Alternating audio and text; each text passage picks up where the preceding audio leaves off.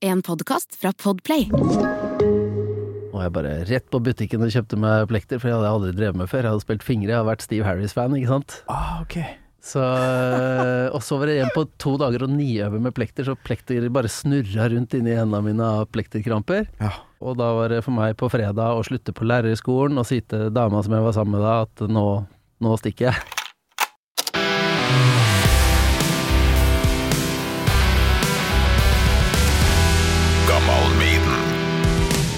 Det er Kim eh, Thomas, sto det på Wikipedia. Bruker du det? Det er bare mutter'n som bruker det. Ja. Da blir det Kim. Det er, det er mutter'n, og så er det telefonselgere som ringer på sykt ubeleilig tidspunkt som sier ja, er det Kim Thomas Norbeck? Ja. Ja, det er det, og hva skal du selge? Skal vi se, opptaket er i gang. Ja. Og du sitter nært mikken, har headset, alt er på stell. Skal vi bare kjøre på? Kjør. Ja da. Kjøra. Torkil Kim Norbæk, hjertelig velkommen til Gammal Maiden. Takk for det. En uh, veldig trivelig affære. Ser fram til dette. Ja, det, det her kan bli fint. Jeg må også si grattis med reunion med Spam.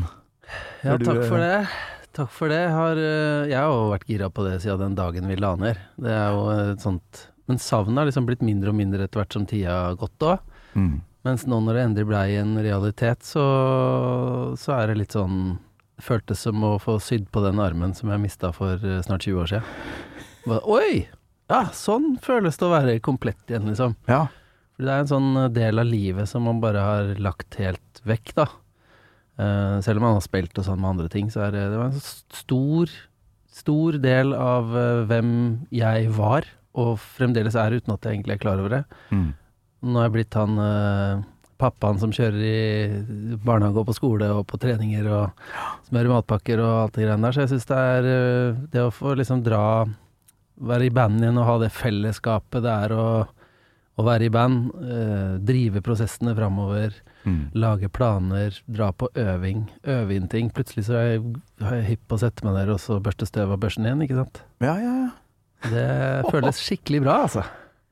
Jeg har jo hatt Jarle Bernhoft innom her før. Vi snakka masse om span. Det virker som han nå ser tilbake på den tida som noe, noe guld som, eh, som var viktig for han òg. Men hva snakker vi litt sånn varig at dere plukker fram band eh, litt sporadisk framover nå, eller er det en sånn eh, one-off, sånn som veldig mange har om dagen? Hvordan har dere sett, sett for dere det? Um, jeg er ganske Jeg tror vi alle er ganske enige om at det er en sånn kort affære. Eh, det er jo ikke sånn at dette passer dritbra inn i livet til oss som slutta å spille i band lenger. Spør kona mi om det, liksom. Bare ah, Det passer ikke i noe praktisk forstand, egentlig, men det er men, eh, men det føles som et mye hyggeligere punktum enn det vi hadde sist. For sist så hadde jo Jarle slutta i bandet, og vi, vi Han slutta jo rett før vi skulle starte på turné, ikke sant, og vi gjennomførte 70-ish konserter med en dude som har slutta i bandet. Mm. Så det var en slags sånn eh, Hva skal man si Det var ikke drit eh, Det var ikke bare positive vibber hele veien der, selv om det var ingen krangling eller noe sånt. Det var bare det var en slags eh, lang Et langt dødsleie, hvis det går an å si det. Ja, det høres tungt ut, men nå Du er on fire nå. Du, du er klar for gammel Maiden og Ja, prate litt om eh, oppvekst og minner og inspirasjon og alt sånt, ikke sant? ja 100% Og det passer veldig bra, fordi det å begynne i band igjen vekker masse gamle minner. Mm. Uh, og det minner meg også litt om hvor jeg kom fra. Uh, som i, i Maiden var det jo ganske toneangivende i starten. Jeg spilte i band, så det, det gir veldig mening å snakke om det akkurat nå. Ja. Det er eh, dødsgøy å dykke tilbake i de gamle minnene. Jeg har hørt mer på Maiden de siste 14 dagene enn jeg gjorde før vi snakka om at vi skulle gjøre det her. og det er utrolig hvor mange minner som kommer fram, altså. Ja, fy flate. Dere skal vi bore ganske hardt i etter hvert, men vi må jo, vi må jo sette i gang eh, minnebanken med noe musikk her òg. Jeg har jo laga et lite potpurri Med både Span og Dog Almighty, da. Så, mm. ja, ja. Og det Litt av valgene av låta her er jo fordi jeg syntes Span var Dere var riff masters, altså. Dere hadde noe jævlig kule riff. Og det skal vi høre på nå.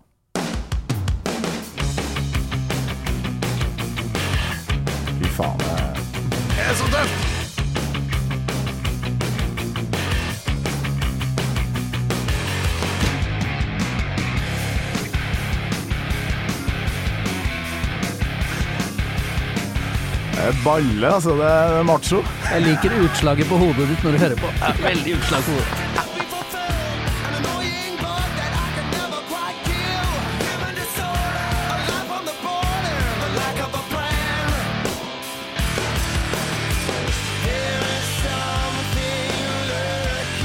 Å, kommer luftrommet og greier.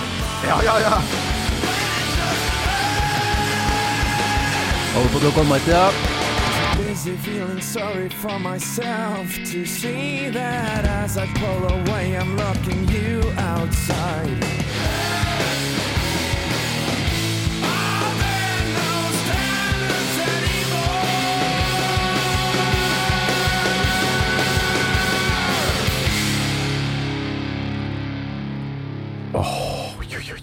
Det her, Dog Almighty, det har jeg hørt uh, altfor lite på, skjønte jeg. Ja, men hvis du kan våkne til det nå, så er jo det gull. For det var veldig mange som uh, Altså, du kan si det hadde et Jeg mener det hadde et uh, mye større potensial enn det vi fikk forløst, men det var liksom veldig kortlevd hele greiene. Vi lagde den skiva, dro på én kort turné, og så blei vi oppløst igjen. Mm. Så, så den skiva blei liksom Det gikk som en eh, rolig fis på Finnmarksvidda. Det er jævlig synd, da, for her er det veldig mye miks av ting jeg liker godt. Særlig sånn 90-talls Tool og litt eh, Jeg vet ikke om noen av dere har hørt på Tool, men, men jeg, jeg fant noe Tool inni Dog Almighty. Og um, kanskje litt Alice in Chains. Noen av de grunge-bandene jeg likte òg. Du er jo innom noen av referansene som har spilt eh, størst rolle i alle involvertes liv, tror jeg. Ja, ok. Så um, Sindre som sang var jo veldig sånn Tool-fan, og jeg også helt massiv Tool-fan. Ja. De to andre kanskje litt mindre, men, uh, men uh, Og jeg har jo aldri vært noen sånn stor låtskriver, så jeg har jo ikke skrevet så mange av disse låtene heller. Men at du har catcha de referansene oppi der, er nok uh, Det kommer noe fra et sted. Ikke sant? Og de, de riffene og husker at jeg la merke til med, med Span, da. Eh, det var jo veldig Dere hadde kule musikkvideoer på Swish. Swish, tenk på det! Ja, ja husker du Swish? Ja. Og det satte jeg og glodd på. Bare faen, for, for noe riff, altså. For det spilte jo i band sjøl, og det skulle jo ikke like noe annet norsk rock, for vi var best, liksom. Det, det var innstillinga på den tida. Men Span, det, der fant jeg noe greier. Hvem var det som laga de herre De riffa der? Altså, det der er jo fra Det som var på første plata, er jo fra før min tid i bandet. Ja, Og ok. Vemund Stavnes som spilte bass før meg, og så akkurat de tilblivelsene av de låtene, det har jeg ikke helt oversikt over hvem som har gjort hva. Men jeg er ganske sikker på at, uh, at det er Fridtjof, altså. Fordi han, han var vel den som hadde flest riff med inn, etter hva jeg har forstått. Og så er Jarle melodimann og, og sånn. Mm. Men eh, han har også skrevet masse av låtene, selvfølgelig. Men, uh, men jeg er ganske sikker på at akkurat Don't Think The Way They Do var Fridtjof. Found vet jeg var Fridtjof. Eh, og det er jo av de litt sånn større låtene vi hadde, da. Har ikke fått med meg at du ikke var med på litt av det her, men du har jo spilt det noen hundre ganger opp igjennom. Ja, det har vi. Flere hundre ganger. Det blei jo noen konserter etter hvert. Det var jo en sånn uh, turboreise. Jeg hadde jo aldri vært med på sånn type bandopplegg før jeg, før jeg blei med i Span. Det hadde vært mer sånn der prøve å få bandet til å svinge-varianten, hadde jeg prøvd på før det. Så det var et kjempesteg, da. Det var jo full satsing fra plateselskap og turné i um, utlandet. Masse som skjedde på kort tid der, skjønte jeg. Ja, Sleit dere litt ut, nesten, eller? Ja, litt lenger ned i løypa så gjorde vi det, men det første året mitt, det var jo sånn eh, Jeg gikk på lærerskolen og hadde noen små band her i Oslo som jeg prøvde å få liv i, da. Mm. Eh, og gjorde litt sånn frilansgreier. Jeg spilte faktisk bass med David Pedersen på, etter første sesong Idol, vet du. Ja! Så det var min første sånn frilansjobb, og som er litt av grunnen til at jeg havna i span òg. Eh, for da var det Jeg tror de hadde spurt Jørgen Malo, som jobba i Espionage-studio til Espen Lind og Amund Bjørklund og sånn, eh, som ikke kunne liksom gjøre det sacrificet det var å slippe at du hadde henda og blei med i det bandet, da. Så, Mm. Som hadde tipsa om meg fordi at jeg var bandleder og bassist i David Pedersen-bandet. Og der var jeg jo han duden jeg alltid er med litt sånn energi, og det jeg kan best er å adde energi til låta. Jeg har aldri vært noen sånn flinkis-type. ja, ja. Aldri hatt noe sånn teknisk overskudd og sånn, men energi til låt, det er liksom min forse. Så den øh, Han mente at jeg kunne passe til det bandet og sendte den videre til meg, da. Mm. Og når eh, ja, ting gikk på tverke, så du har fortsatt med litt basspilling opp igjennom? Litt poppa Lene Marlin? Du var med på Lene Marlin, eh, leste jeg? Ja, det er en lengre story, altså. Men uh, okay. For det var jo De ringte jo og ville ha med De kjente jo meg fra før, og så ville de ha med Ha litt sånn rockekomp. De ville ha det drivet. De var og så oss på Elvefestivalen i Drammen. Og etter det så Da var det Amund og Espen og Tor Erik fra Stargate der, og de Ja, det kompet der, det ville vi ha med. Som ringte meg og spurte om Fredrik og jeg kunne spille, ski, øh, spille en skive med Lene Marlin. Mm. Så da prøvde vi å bidra med litt rock der. Det kom ikke ut som rock, men, uh, men det ble en fin skive, da. Absolutt uh, populær, den derre Ja, hva var tittelen på det? Var det debutalbumet hennes? Nei, det var tredje skiva, tror jeg. Uh, 'Wish You Were Here', eller noe sånt. Ja. Kan det stemme? Uh, feil mann å spørre, kanskje. Jeg husker bare Swish. Men, Men, det eh, som, eh, som kanskje er verdt å svinge innom, er jo den der oppstarten min i span. For det, det tror jeg var en sånn dramatisk tid for bandet, da. Mm. Da hadde de eh, ikke bare gjort ferdig den plata, Mass Distraction, som skulle ut eh, i 2004, men de hadde turnert den masse og blitt utsatt. For det var på Island Records i England, og det var masse politikk, og det var masse andre utgivelser som fikk prioritet foran. De hadde brukt helt sjukt masse penger på den skiva her. De ville ha rett timing, ikke sant, og mange Mm. argumenter hele tida for å utsette, da. Men nå skulle den endelig ut, og det var i januar 2004. Eh, og da rett før den skulle ut, så hadde Vemund eh, bestemt seg for at den skulle slutte, og varsla bandet om det. Han så at nå, nå skal de på en turné, og det er i første omgang booka sju måneder straight, og det passer ikke inn i livet. Det var noe barn involvert på vei der og sånn. Mm. Så det er bedre å slutte nå enn midt i det løpet, da. Ja, ja. Så, og så hadde Fridtjof øh, og Jarle hatt en skikkelig ringerunde og prøvd å få tak i noen til å spille bass, da. Men det er jo ikke så lett når du liksom på 14 dagers varsel skal slutte med alt du driver med, og så bare reise med dette bandet og være veldig lite hjemme og være borte så mye. For det, det var ikke sånn torsdag, fredag, lørdag-turnering den gangen. Det var liksom Altså på den første turneen jeg var med på, så var det 24 Nei, vi hadde 27 gigger på de første 30 dagene, liksom. Så, så Fridtjof ringte meg på en søndag. Da hadde jeg vært eh, på knallhard fyllekule på Gran Canaria sammen med Vinni og Peter Peters eh, kvelden før. Oi, oi, oi. Våkner opp av en telefon som kimer, og så Jeg skjønner ikke hvorfor han ringte så tidlig, egentlig, men det var på formiddagen, kanskje titida eller noe sånt. Jeg tror jeg hadde sovet en time. og, så, og så er det bare i andre enden. Jeg har aldri snakka med ham før, men vi hadde spilt Found med David Pedersen på den turneen hans.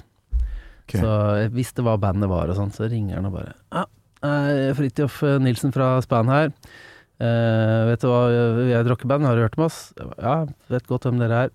Ja, bassisten vår har slutta, og vi skal på turné nå og slippe skive og sånn, det er litt krisestemning her. Mm. Eh, og den slutter ikke med det første, den turneen, så er, du blir vekk lenge i så fall. Men, men vi leter etter en kar som kan slutte i livet sitt og begynne i mitt, Ja. sa han da. ja, sånn, ja. Og så sa jeg sykt hungover, så jeg, jeg tror det er meg du leter etter. Jeg er veldig gira på dette her, men jeg er full som et charterfly, og du må ringe meg om et par timer. Jeg må sove av meg litt rus først. Og så la jeg meg, og så jeg liksom Jeg fikk jo ikke sove, selvfølgelig.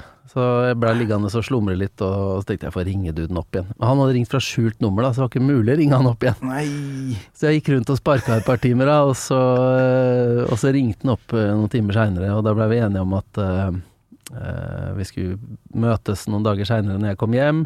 Mm. Da var det liksom ikke mer enn ti av veien heller, så vi møttes på tirsdagen, da, to dager etter han ringte. Og så blei ble vi sittende dritlenge og bare bonde om alt mulig ting. Musikk. Mm. Iron Maiden og Ja. Metallica og masse greier. Eh, kjempestemning, og så dro jeg hjem og øvde som faen.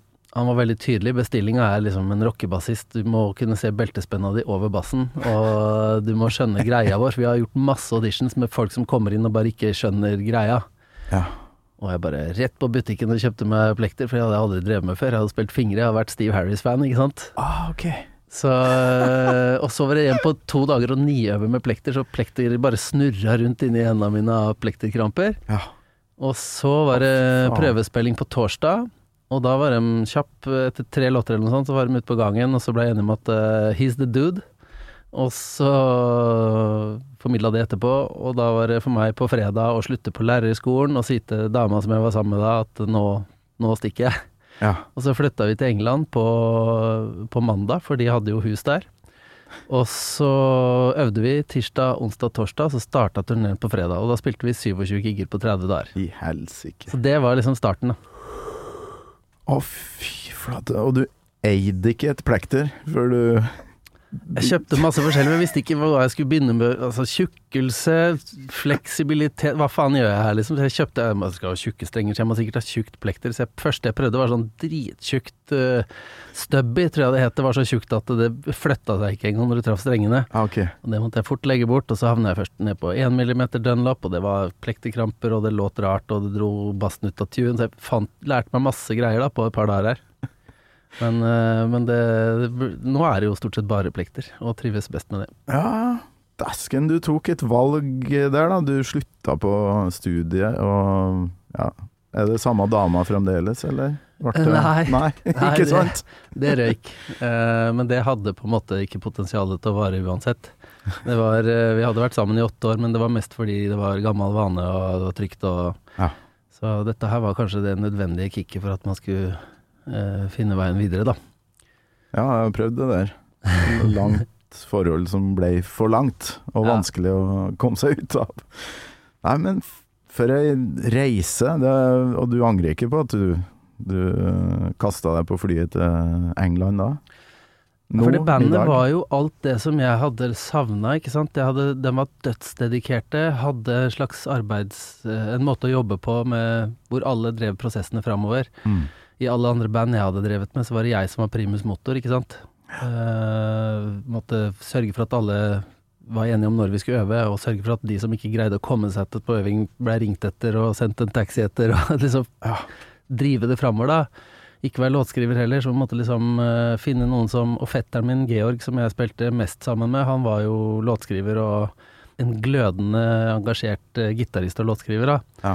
Så vi to gjorde veldig mye sammen, og alle andre vi spilte i band med, er folk jeg er glad i den dag i dag, men, men liksom Det var jo mer glede av å sitte på kafeen og si at man var på øving, enn å faktisk øve. Så møter jeg et band som eh, når de ikke er på turné, syv dager i uka møtes på øveren og klokka ti og drar hjem klokka seks på kvelden, liksom. og det var, det var en helt annen Det var det jeg hadde savna, så det var veldig lett å si ja til det. Og lærerskolen og sånn var bare et sånt slags uh, Noe for at foreldra mine skulle slå seg til ro med at jeg drev med noe seriøst der i livet, men jeg hadde jo bare lyst til å spille.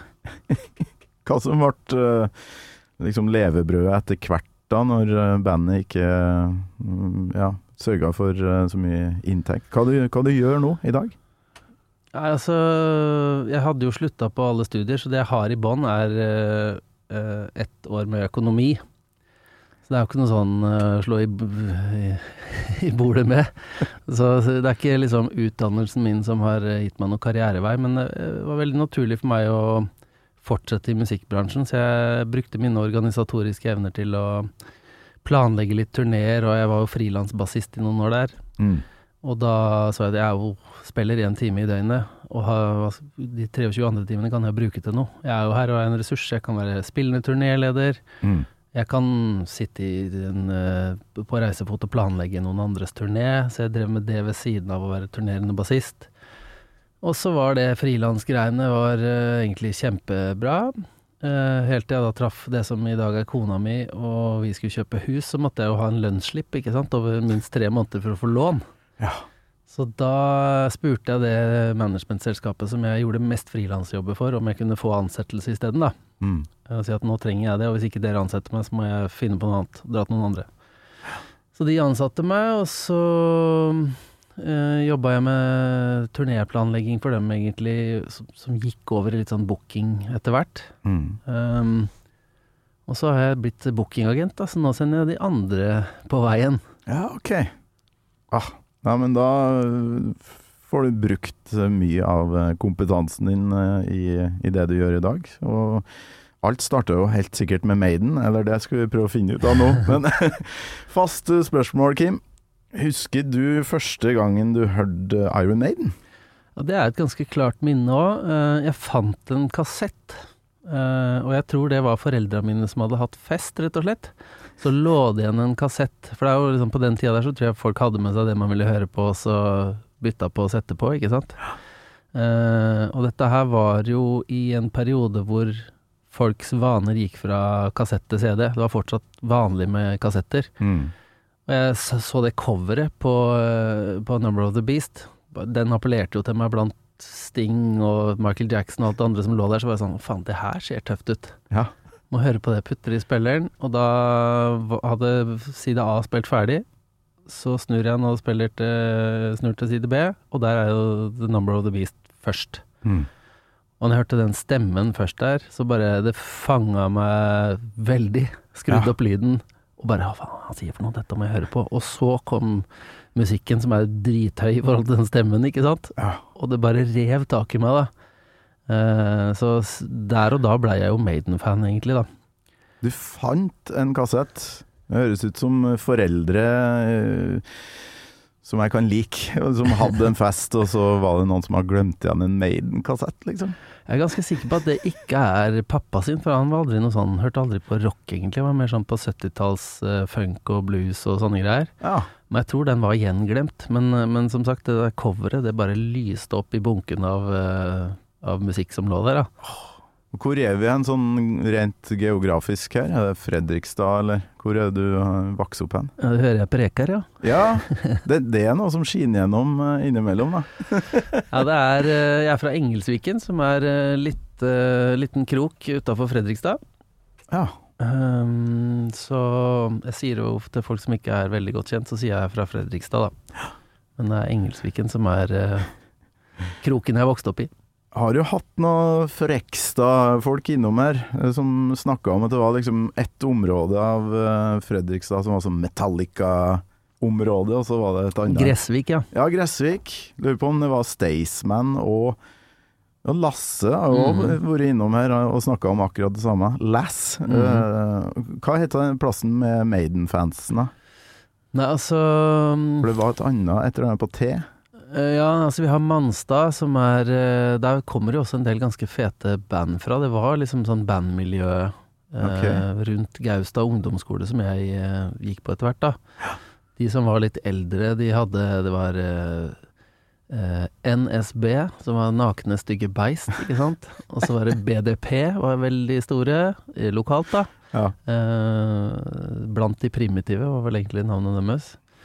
Og um, Balvas var jo metal-band som uh, lurer på om Anders Odden uh, styrte med. ja, ok. Uh, Kadaver kom jo fra uti der. Ja. Og så noe Knut Øyvind som spiller bass i Ricochets, hadde også et band som jeg var veldig fan av. da Hva faen er det de kalte seg for noe igjen, da? Lurer på om de het Might Queer først. Oi! Og så bytta de navn til Doghouse 7. Ja. Eh, Knut Øyvind var vokalist, og en som het Fredrik Brarud var trommis. Han er jo Han spil, er fortsatt aktiv, han altså, men han spilte i Tommy Tokyo sitt band. Mm. Uh, Utrolig mye band og musikere fra Fredrikstad-området, virker det som. Hadde et sånn bra miljø der, muligens. ja, det var liksom eh, Det er jo ikke så mye annet å gjøre, da. Nei, det er akkurat det. Men prøve å komme på den plassen som liksom var Maiden.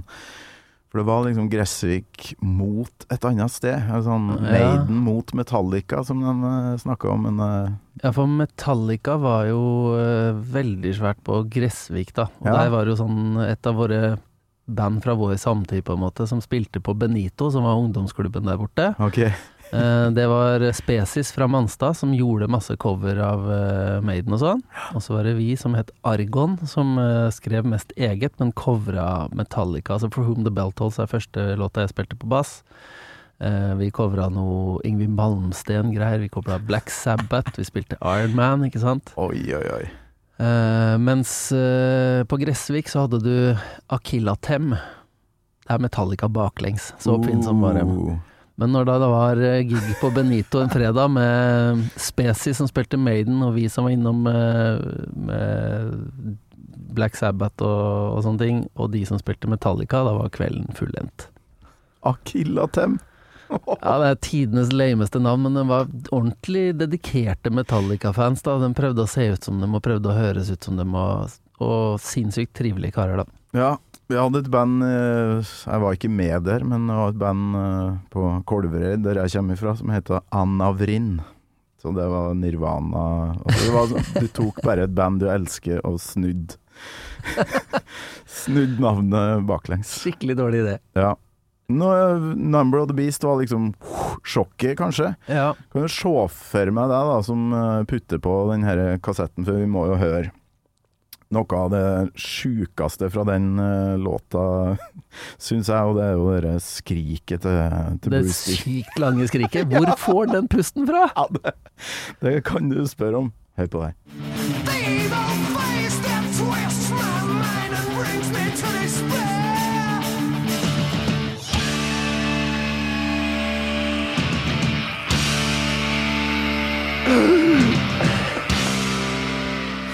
Ja, jeg fikk ikke plass til det på Jeg må ha sånn 15 sekunder. da. Fikk ikke plass til hele skriket engang. Så der sitter du i en sånn eh, Ja, mamma og pappa har kanskje ikke stått opp ennå, og du får tak i det her, liksom? Sitter i en rosa skinnstol som kan snurre rundt. Bare snurrer fortere og fortere rundt. Helt til jeg reiser meg opp og spiller luftgitar. Ja.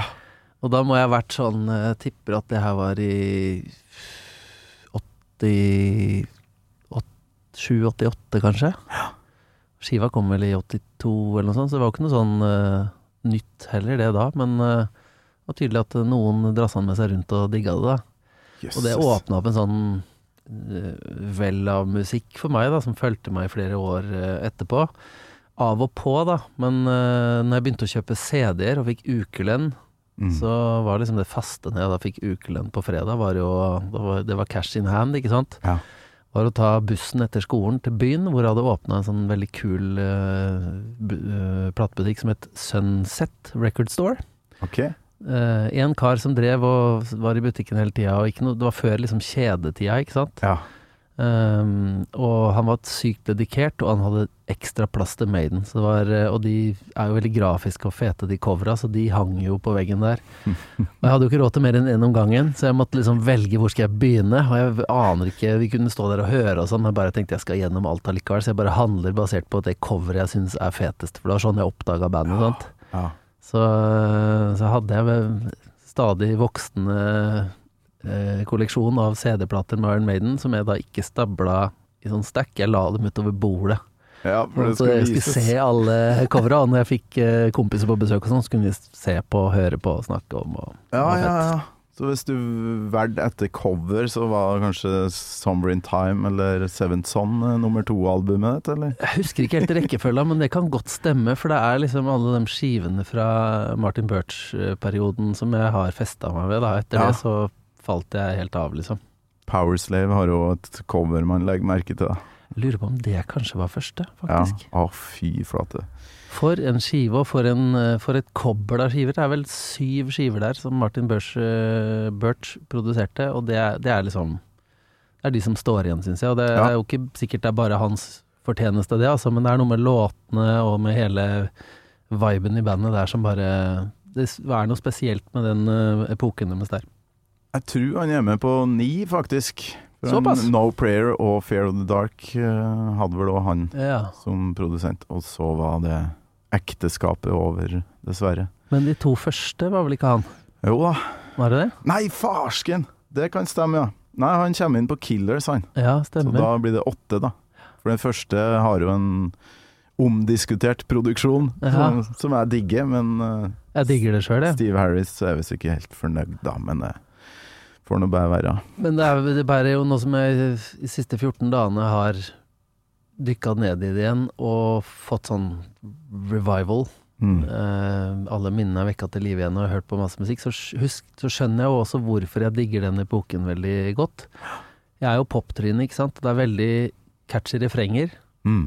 Og der hvor det ikke er refrenger eller noe, så er alle soloer og sånn også er sykt catchy. Det er veldig mye sånne hooklines i alt de gjorde da. Mm. Jeg vet ikke om det er bandet eller om det er Martin Birch, men det var eh, Det skiller seg veldig fra alt de har gjort etterpå, syns jeg. Selv om en link her som kanskje er verdt å nevne, at Kevin Shirley, som begynte å produsere fra 2000 og framover til i dag, Ja. han miksa jo Mass Distraction-skiva. Ja, det Jarle nevnte det der, ja. Ja. Så Kevin Shirley, han eh, var Det var før min eh, Sto det ikke noe sånn Steve Harris-bass inne i studio der når, når dere var Ja, for det var jo Var ikke gjort Jarle i som om eh, det? Altså, skiva ble jo spilt inn i Rack-studio hos Gil Norton, Ja, okay. så jeg tror ikke han hadde noe med Nei, da er et annet band jeg har hatt på besøk her, som har vært og tafsa på bassen til Steve Harris. Stas nok i seg sjøl, det. Ja, ja, ja. Men det har jo stilt deg et øh, Eller bedt deg om å velge låt som ikke er The Number of the Beast, da. Og så, øh, Hvilken var det igjen? Ja, det var jo uh, den låta som Spesis uh, Dette er uh, Jeg kan fortelle litt om det, fordi Manstad og Ingelsviken er tre kilometer unna hverandre. Mm. Eh, vi har samme ungdomsskole. Og, og noen fra klassen til Georg, og, eh, som var min fetter i dette bandet Argon, da, eh, spilte i Species, som var uh, Iron Maiden-coverbandet oppe på De hadde egne låter òg, men det var mye Iron Maiden, da. De spilte Fear of the Dark. Uh, og vi hadde jo en sånn det, det er jo som du sa i stad, at det var litt sånn rivaliserende miljø, og man kunne ikke si det til de at vi er arge konkurrenter, men det er jo det vi på en måte er. Mm. Og det blei jo ikke noe mindre når Jørn Ove, som spilte gitar i Spesis, begynte å synge, altså være vokalist i vårt band. Da ble det sånn, Vi kunne jo ikke snakke om det at vi var arge konkurrenter, men det var jo helt opplagt at vi var det. Så når jeg da hørte de gjøre Fear of the Dark, var liksom et av glansnumrene deres, eh, og jeg digga det dødshardt, ikke sant, syntes det var dritfett. Iron Maiden-fan, elsker den låta, og når de spilte og de spilte bra, ikke sant. Det blei skummelt, det blei ble bedre og bedre for hver gang. Og eh, jeg digga det drithardt, men jeg kunne ikke si det til de andre i bandet. At eh, fy faen, de spiller bra på den låta, liksom. Nei, nei, Men, eh, men det gjorde at jeg også hørte mer på den hjemme. da Det på en måte vekte litt mitt forhold til den låta, at Spesis gjorde den så jævla bra. Og da vi, Den skal vi jobbe oss gjennom nå. Jeg håper du er klar for det. Mer enn klar. med litt intro her.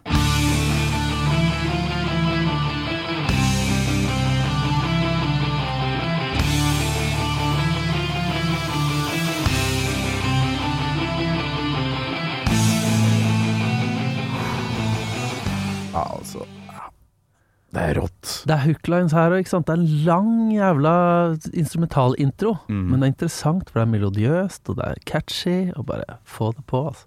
Sånn lite preludium før eh, ja, Mm. liksom eh, låta starter. Og det her er jo 92, jeg var 14 år, og kanskje første albumet jeg liksom har gått og venta på, da, sånn ordentlig, med Maiden. Mm. og jeg satt med en kompis som var trommis og spilte uh, lufttromma til det albumet her Mm. daglig en periode. Han spilte mye lufttrommer etter dette, og, og Spesis, som jeg nevnte her i stad, de hadde trommisen Magnus Bekkevold. Han sang og spilte trommer. Ja. Og når han da Han var ganske god trommis òg. Blæste opp disse trommene, han må ha vært 15 år eller noe sånt, og spilte bedre trommer enn alle i hele nabolaget. Og sang i tillegg. Fy faen, jeg var sjalu på de greiene der. Altså, det er noe musikalitet som eh, ikke jeg hadde på den tida, i hvert fall. Og så, den roer jo ganske fort ned, da, og den, det er noe keyboard her altså, som jeg elsker. Vi må, det er vel inn på første verset her nå. I am a man who walks alone, and when I'm walking a dark road at night or strolling through the park, Eller er det? Høres ut som en fløyte eller noe greier. Er det obo, kanskje? Høres, ja, høres ut som noe treblås. Spørsmålet er om de har funnet obo-lyden på keyboardet, eller om de faktisk har fått inn noen til å spille det. kan, Altså Husk at dette er spilt inn i en periode hvor eh, Eller en tidsepoke hvor CD-er solgte som hakka møkk, og det var masse penger i bransjen og sånn. Vi lagde jo skive på slutten av den tida, eller Mass Distraction, da, altså, som bandet lagde før jeg kom inn. Det var jo Trenger du stryk? Ja, da ringer vi, ringer vi London-symfonikerne, liksom. Ja. Og det var jo i 2000-tallet. Så dette her tipper jeg er sånn Det er en eller annen verdenskjent oboist, det er jeg helt sikker på. ja, så spiller tre toner på Fair of the Dark. liksom. Det er meget mulig. Obo er jo, det er jo kjent fra filmmusikk og sånt. Eh, Drar du inn en obo eller en uh, bassklarinett, da, da er det noe skummelt som skal skje. Noe Ja. sånn død eller eh, noe mørkt, da. Og her er det jo 'Fair Fear of the Dark, liksom. Jeg husker jeg kunne eh, se for meg han derre fyren som er ute og går i mørket. Du hører skritta om å se deg over ryggen, liksom. Eller Ja, ja, ja. Vi har en sånn kirkegård på Kolvereid som man måtte gjennom hvis man har vært på øving eller uh, sånne ting. Da. Og det, det er ikke noe vanskelig å, å kjenne seg igjen i det her, da. Nei, nei. Så nå, men den skal jo litt opp i tempo igjen etter hvert her. Someone's always there.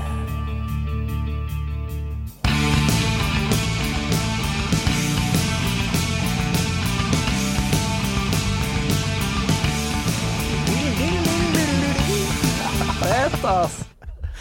Og Steve Harris, da, bare Den derre umiskjennelige Steve Harris-lyden og trefingerplukking, eller firefingerplukking, eller hva han holder på med, det er, eh, det er liksom noe annet. Ja, det er noe, også, noe med de melodiene de kom opp med på de langlåtene på Fair of the Dark. Uh, Mm. 'Afraid to Shoot Strangers', husker du den? Nei, den Fra altså, samme albumet. Ligner litt i struktur, den låta. Ja, den, ja. Ja, jo, Det, det er bare så deilige melodier Mm. som setter seg.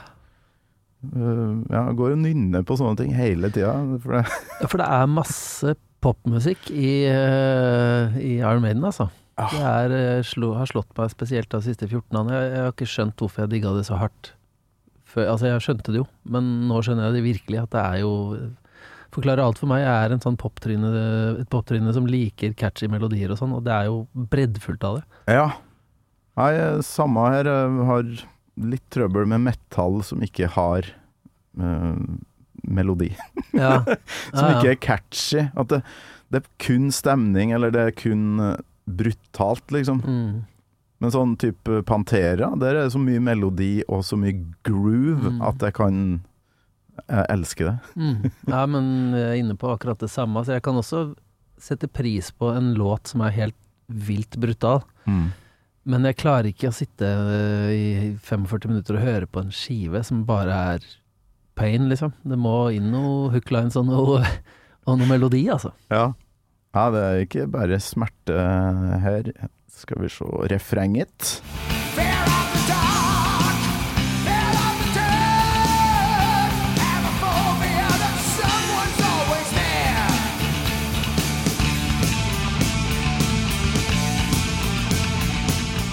Have a phobia that someone's always near. Ja, Jesus, ja, det- du kan få frysninger av det der. ja altså du er Du er kanskje redd for mørket i seg sjøl, men mest av alt det derre at det er noen der. Mm. som uh, kanskje bare står og observerer deg, Mm. og lurer på om han eller hun skal, skal gjøre noe. Altså, det er jo sannsynligvis bare noen som står og tar en sigg, eller eh, skal et annet sted eller noe, men du vet, Ja. Du har sett nok filmer til å få litt frysninger av de greiene der. Jeg har et kjempesterkt minne av at jeg lå Jeg hadde liksom akkurat fått meg eget rom. Det tok Jeg var 15 år da jeg fikk mitt eget rom. Jeg lå i køyeseng med brutter'n fram til jeg var 15, kan jeg tenke deg, da jeg fikk første kjæresten og sånn. Sånn, jeg har ikke eget rom, jeg, så vi må Var han eldre eller yngre? Han var yngre, og så starta i køyeseng med min eldre bror, og så Ja. avslutta jeg i overkøya med lillebror nedi. Blei ikke noe klining i øverste etasje da? Nei, men så Tenkte tenkte de at nå gjør vi den kjellerstua om til rommet til en Torkil, da. Så jeg hadde jo akkurat fått meg eget rom. Lå og gjorde lekser på sofaen. Og hørte på Fair of the Dark på full guffe. Så husker jeg kikker opp på vinduet som er liksom i bakkeplan, og der står fattern med sånn lommelykt under hakka. Han har skjønt det. Han har bare stått der og glodd på meg kjempelenge med det blikket, ikke sant. Og så ser jeg det Eddie-aktige trynet som bare Å, fy faen! Han faren din var en fet fyr. Ja da, han uh, var en skøyer innimellom, da. Uh, skremt vettet av meg med mens jeg på Fair of the Dark. Holdt på å gi guttungen hjerteinfarkt. Ja, men her, her hørte vi jo Fattern var jo bassist, forresten. Spiller oh, ja. med fingrene, han òg. Har du gått tilbake til finger Så gjør du begge deler, du nå, eller? Ja, jeg gjør begge deler litt avhengig av hva jeg skal gjøre, da. Men i span så er det to vers jeg spiller med fingre, resten er plekter. Oh, ja. Så det er eh, i all hovedsak plekter. Men jeg har vedlikeholdt fingergreiene litt, da. Og bruker det til Nå spiller jeg ikke med så veldig mye andre band og sånn lenger, men eh, jeg hadde et lite prosjekt her med en sånn en eiendomsmeglerkompis som vi ga band i bursdagsgave når han ble 40. Mm. Så da har vi gjort to gigger på Rockefeller med det, da, og da måtte jeg pusse støv av børsen igjen da, og da blei det bare fingre, faktisk. ja. Husker du om du la merke til Steve Harris eh, fra start? Den litt sånn klekketi-klekk-lyden hans og måten han spilte på? Dette var før jeg hadde begynt å spille bass sjøl. Ja. Uh, så jeg var ikke sånn sykt opphengt i bass som instrument akkurat da.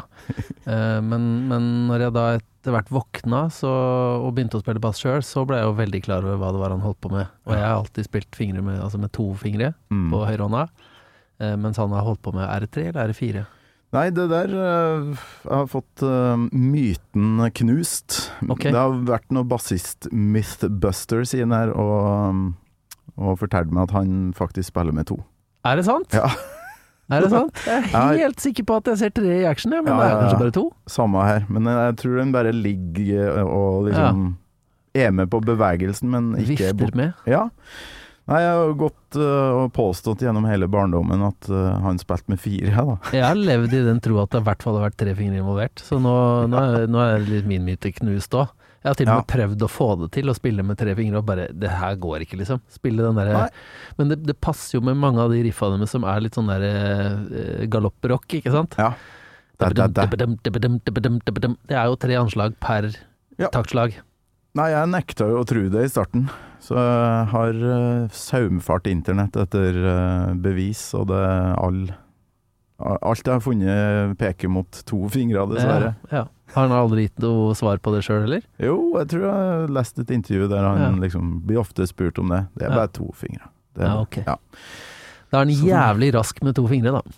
Nå inni hampen, og veldig mye kraft, virker det som, i anslagene. Når du får den derre Også og fintfølelighet, for du har. Det er liksom veldig Ja. mye av den galoppen, så er det jo siste anslaget som får, uh, får mest tyngde, og mest klikk, da. mm. Uh, og det sier jo noe om at det er annenhver finger som treffer fordi det er tredje hver gang, ikke sant? Mm. Så han er ganske sånn konsekvent, og det må være veldig flott mekanikk i hans hender. Ja, det er visst uh, noe sjukt mye trening da, som ligger Ja. bak akkurat den uh, håndstillinga hans. Ja. Han visst jobba ganske lenge med å finne sånn at han ikke blir støl. For det Ja.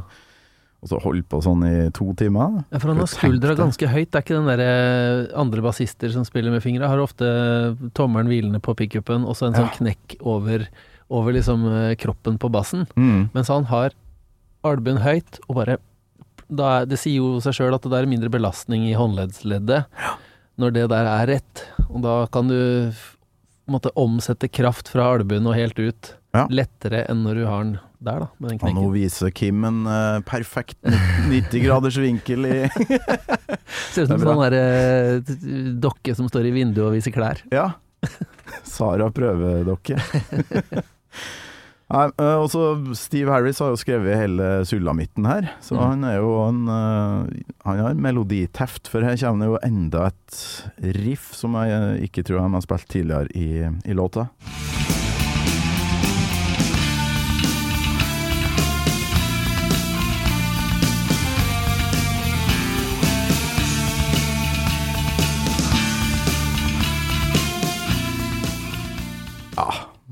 Det, det er de melodiene her som er litt spesielle for Fair of the Dark, føler jeg. Eh, Albumet har så mange sånne utrolig catchy melodier som jeg går og nynner på den dag i dag. Men jeg lurer på da, i hans låtskriving, eh, har, har han da skrevet alle gitar-hooklinesa òg, eller? Det vil jeg tro. Jeg tror han er, han er hands on på alt i hop. I så fall så er han jo en enda større legende enn jeg har gitt den credit for. For jeg tenkte Ja. at uh, Adrian Smith og Dave Murray og sånn må jo ha gitt mye av seg sjæl inn i dette her òg. Hvis du er gitarist, da finner du deg i å få servert alle melodilinjene uten å ha fått prøvd sjøl først? Finner du deg i å ha prøvd sjøl først, og så hver gang få beskjed om at nei, eh, det er jeg som er sjefen her, Mm. og det skal være sånn her. Ja, men det er så mange låter det står Harris Smith Dickinson på, for eksempel, eller eh, Mhm. Murray Smith, for eksempel, at jeg tror de ville ha blitt kreditert hvis de har vært med på det. Ja, Så her tror jeg han har kommet med ferdig, ferdig Ja. låt, altså. ja. ja. Interessant. Det har vært rått å vite for en nerd.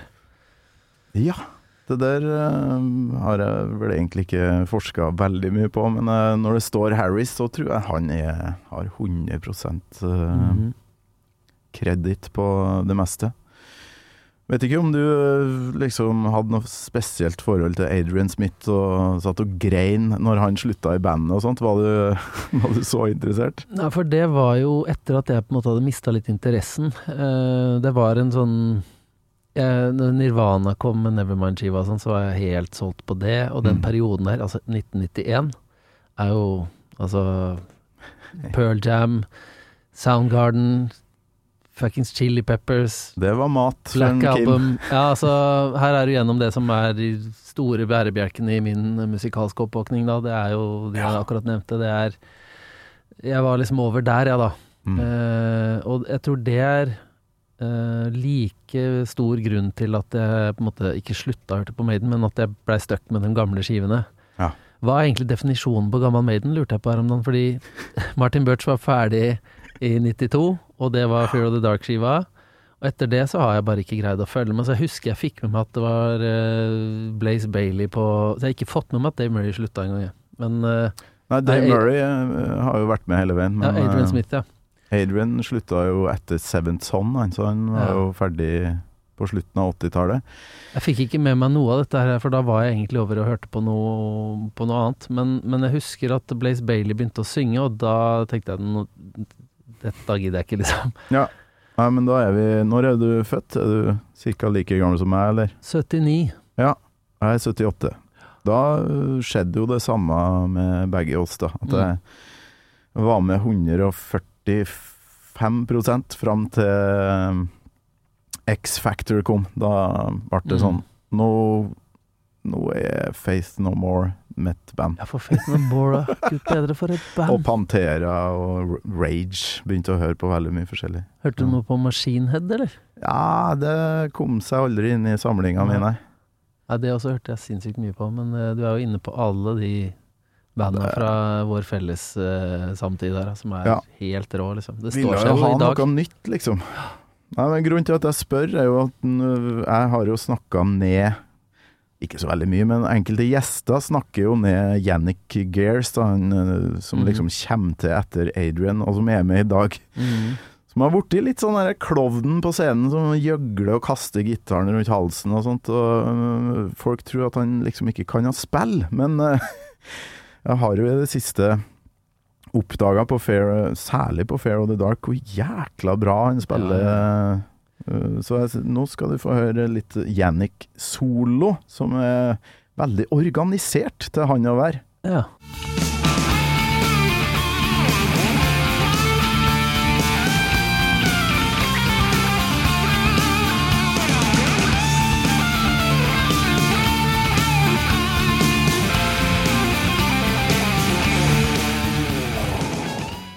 Ja, og så er Dave Bli! Det er ikke sjuskete spilt gitar, det der. Nei, altså det her uh, beviser jo uh, en gang for alle at fyren er jo Altså, hallo, han har spilt med Ian Gillen og Mm. Bruce eh, Dickinson solo før han Mm. begynte med det her, og masse kult. Så um, Men det er vel litt Dave Murray-solo her, og så enda et nytt riff, faktisk, tror jeg.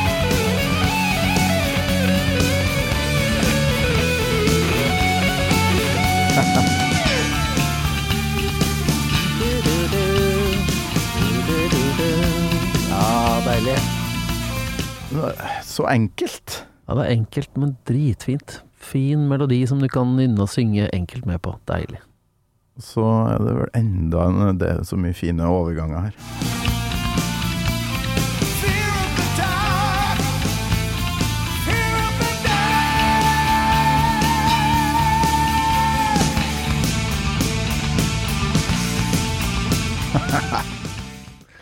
Sømløst.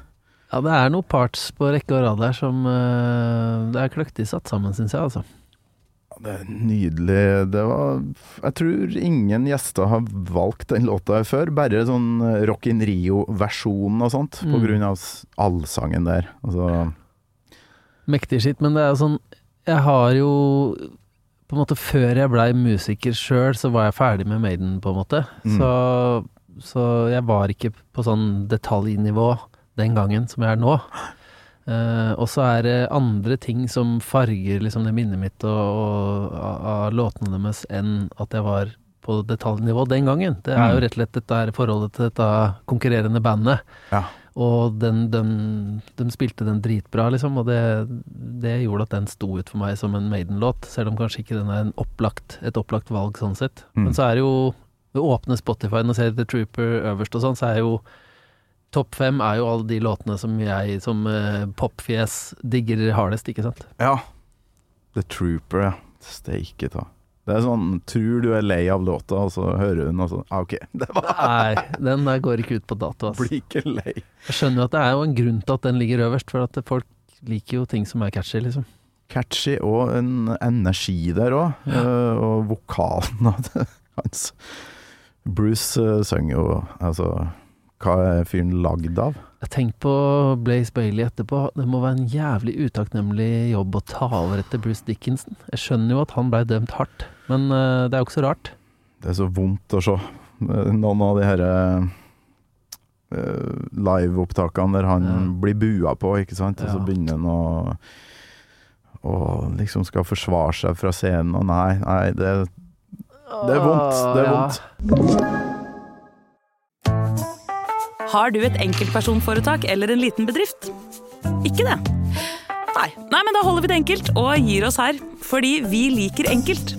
Fiken superenkelt regnskap.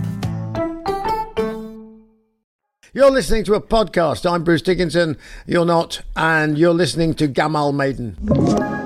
Hva med Brave New World og fram til i dag, da? Du har bare Har ikke Ja, det har jeg liksom? ikke hatt noe forhold til i det hele tatt. Eh, jeg tror jeg, jeg har vært innom og spilt en låt eller to i ny og ne, men det har liksom ikke fanga meg på samme måte. Mm. Eh, og nå eh, har jeg faktisk hørt den Senjutsu-skiva litt òg, Ja, okay. og bare Jeg skjønner hvorfor jeg ikke henger med lenger, altså. Jeg syns ikke det er like bra, jeg, altså. Og så syns jeg Det er kanskje å banne i denne kjerka og si, men jeg syns ikke de spiller så bra lenger heller. Det er sånn, Du hører på Nico McBrain på den skiva, så høres det ut som han øh, spiller trommer på krøkker, altså. Mm. Det er hangling, og det er liksom De har kanskje ikke vært like nøye med å Altså, det, det skal de ha. Jeg tror ikke det er mye klipping Nei. i innspilling med det bandet. Men øh, jeg klarer ikke å høre på det altså, når det høres litt sånn Stovner rockeverksted 1998 ut. Det får jeg ikke til, altså. Jeg hadde jo nylig Kenneth Kapstad innom, hvis du kjenner til han. Trommis. Ja, vi kjenner hverandre fra way back then, vi. Ikke sant? Han øh, syns jo òg at de kanskje burde ha gjort et take til, eller to, og så ta det som er best. Han, øh, for det kan høres ut som de har tatt et par take, og så ferdig. Ja, men det er bra det er flere som har bemerka det, da, så ikke jeg blir han der eh, fyren som går på gammel Maiden og hetser Maiden, liksom. Men jeg bare Det er vel kanskje sånn for meg tegnet på at du egentlig bør eh, kalle det dagen, altså, la minnene stå igjen, liksom. Jeg kan ikke bli for gammel i rock, for at da, da blir det bare patetisk. Ser Kiss runda her for litt siden, og det har vel eh, i mine ører faktisk alltid vært litt patetisk, da, men eh, Men er, man må liksom spille bra, i hvert fall. Altså. Ellers må Ja. man gi seg. Hvis ikke du hører at den siste plata der kunne vært bedre med litt innsats, Mm. da har du blitt for gammel, altså. Du har lov. Og så gammel Maiden er vel fram til 92, er det ikke det? Ja, er det det vi fant ut der? Ja, skal vi si det? Men jeg må jo si lell. Uh, å se dem i Bergen, og de spiller Alexander the Great og Caught Summer in Time, og Mm. det, Jeg syns ikke de trenger å legge opp ennå, altså. Men det er noen av de type The Trooper, Run to the Hills og låta Iron Maiden som er med på alle konsertene, som går veldig sakte for tida. Det er vel et tegn på at Ja. De klarer ikke å holde tempo lenger. Nei. Nei, nei da, det, det er da det begynner å bli vanskelig, altså. Run to the Hills ligner ikke på Run to the Hills lenger, nesten. Altså. Det, det går for sakte, men um, Det er jo litt sånn vår kamp når vi gjør reunion nå, det. Altså liksom klare å formidle det. Vi var jo kjent for eh, å være et stramt og energisk band, ikke sant? Ja. Eh, og nå er alle over 45 når vi skal gjøre de giggene, og måtte, det, det, det store oppgaven vår er å ikke være patetisk. Det er akkurat det. Åh. Nei, det, det er en vanskelig øvelse, da. Ja, for det er liksom Både på klesstil. Altså, du kan Ja. ikke ha for tighte jeans lenger. eh, og ikke minst hvordan du movesa på scenen, da. For eh, er man for gammel, så kan man Det er visse ting man ikke kan gjøre. Ja, og så er det Vi snakka om det når vi skulle ta litt bilder og sånn, at eh, vi er for gamle til å stå og prøve å se kule ut. Så vi må Ja. bare kjøre Dette er oss, liksom. Og så Vi mener i hvert fall musikken like hardt nå som vi mente det da, Ja. og legger like mye effort i å yte det låtene rettferdighet, da. Mm. Så, um, så får det stå til, altså. Du, det nærmer seg slutten her. Da må vi høre uh, avslutninga, som jeg må ha delt i to. For okay. det, det er en litt lang avslutning. Someone's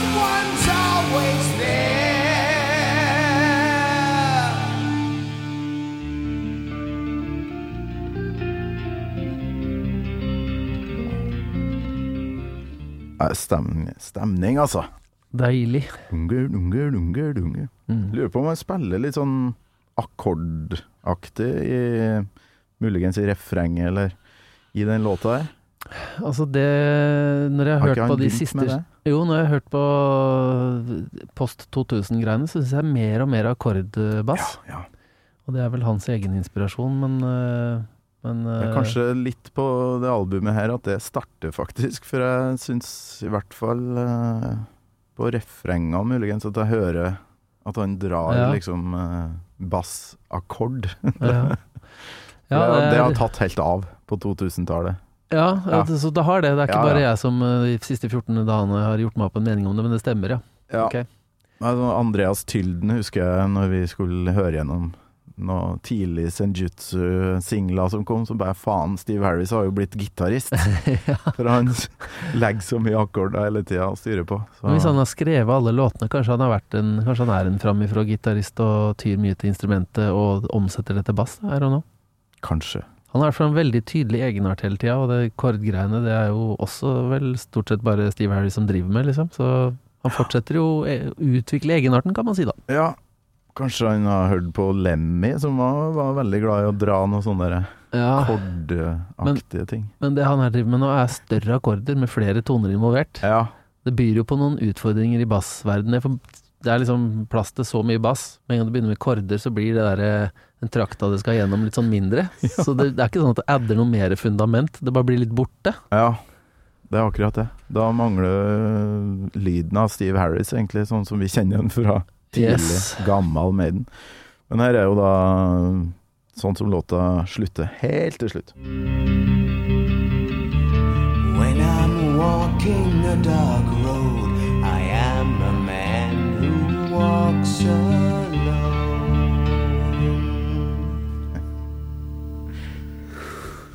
Lå i noen timer og hørte på det her, i Ja. headset og på ja, Fikk meg sånn JVC-anlegg eh, med sånn disk Disc Changer, fem sånne CD-er så du kunne legge inn.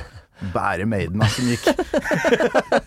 På random? Bytte skive per låt, Ja, det, det var faktisk òg et triks, Ja. hvis man ble litt sånn For det er litt gøy å høre på musikk sånn, og bli, hvis du er vant til albumformen og sånn, kjenner det, så hører du låter i et uh, med nytt øre Mm. når det blir tatt ut av sin vante plassering, da. Ja. Så det er en interessant øvelse sånn for eh, å, ja, å, høre musikk på random er litt deilig innimellom. Altså, det var sånn tidlig Spotify, det der. CD-changeren på random.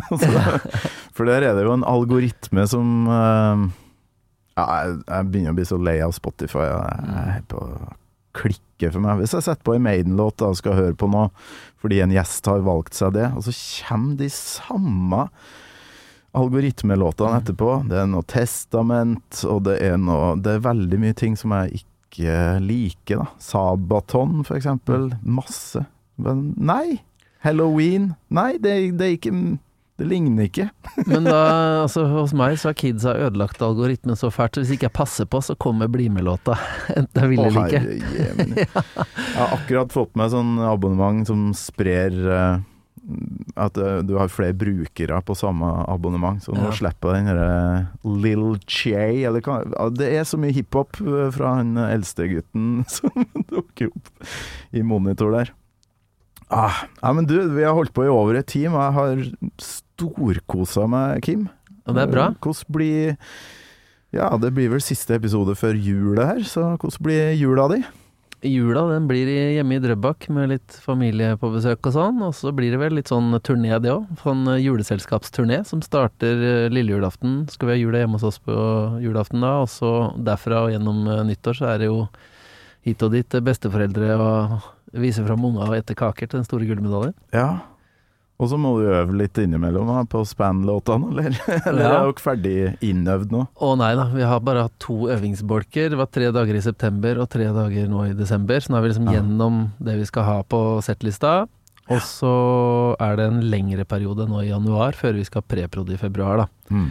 Så det er jo sånn eh, komprimerte øvingsperiode. For Vemund, som var med i bandet før meg, skal også være med nå. Han bor i Bergen Ja, ok. og jobber annenhver uke eller et eller annet sånt. Og Så er det litt sånn begrensa med slåtter til å øve. Og Jarle er på turné med sin nye plate, ikke sant. Hvor Mm. Fredrik, som spiller trommer i span, er jo også med og spiller med Jarle, Jarle nå. Ja. Så det å få tid til øving var en prøvelse. Men vi er veldig innstilt på at vi trenger en del øving for å, for å være på nivå, da. Ja, men hvor svarte Rockefeller gange to? eller? Ganger to, ja. Ja. Skal, hva med folk eh, i Trondheim, Bergen, Tromsø som har lyst til å se det her, da? Nei, altså og det ikke skal på Tons of Rock, så klart. Det, Nei, det var eh, Det var jo bestemt ganske tidlig at vi får ikke gjort veldig masse. mm. Uh, heller ikke gira på å gjøre sånn veldig masse. Det, er noe med å gjøre noen uh, jobber som man gjør ordentlig, Ja. heller enn å gape over for masse og vanne ut hele reunion-biten, da. For da, nå er det litt sånn, de som vil, de får jaggu Jaggu sette seg på reisebookinga og så reise rundt, da, hvis de vil det. Men eh, eh, Så det blir fire festivaler. Den siste er ikke offentliggjort ennå, så det kan jeg ikke si høyt her på radio. Men det er jo Malakoff og, eh, som er på Nordfjordeid, og Tons of Rock og Jernatta som er offentliggjort nå, da. Ah, ok. Så blir den siste blir ganske langt nord. Så da har vi på en måte lagt et avtrykk over hele landet, sånn ah. godt spredd utover. Bukta. Bukta. Uh, Kim, du må ha takk for besøket, og lykke til med det comebacket. Gleder meg som en verpetrengt høne. Ja, det kan jeg tenke meg. Tusen takk for hele reisa her, og god jul, rett og slett. Takk likeså, Torkild. God jul. Gammal Maiden med Torkild Thorsvik. En podkast fra Radio Rock. Det irriterer meg at jeg ikke kommer på dere Det er en plass i Fredrikstad som eh, både Lasse og Torp, Stian Torp Nei, jo, kanskje. Kråkerøy, østsida på T. Og så var det Maiden en annen plass i Fredrikstad, for Ja. jeg har forstått det sånn. Det er helt riktig. Hvor, hvor var det Maiden-fans, da? Eh, Trosvik. Og det var en evig krangling da, om hva som var best. Og, Ja, ikke eh, sant? Jeg husker eh, han på Trosvik, han eh, provoserte oss fra Gressvik på en fest en gang, hvor han brant opp eh, Kill 'em All til Metallica. Nei, nei, nei. Og så etter å ha brent opp CD-en, så den var liksom til de nesten ugjenkjennelige, så hang den opp på veggen og nekta å ta den. nei, men det er jo bare dust. Du har hørt en podkast fra Podplay. En enklere måte å høre podkast på. Last ned appen Podplay, eller se podplay.no. Har du et enkeltpersonforetak eller en liten bedrift? Da er du sikkert lei av å høre meg snakke om hvor enkelt det er med kvitteringer og bilag i fiken, så vi eh, gir oss her, vi. Fordi vi liker enkelt. Fiken superenkelt regnskap.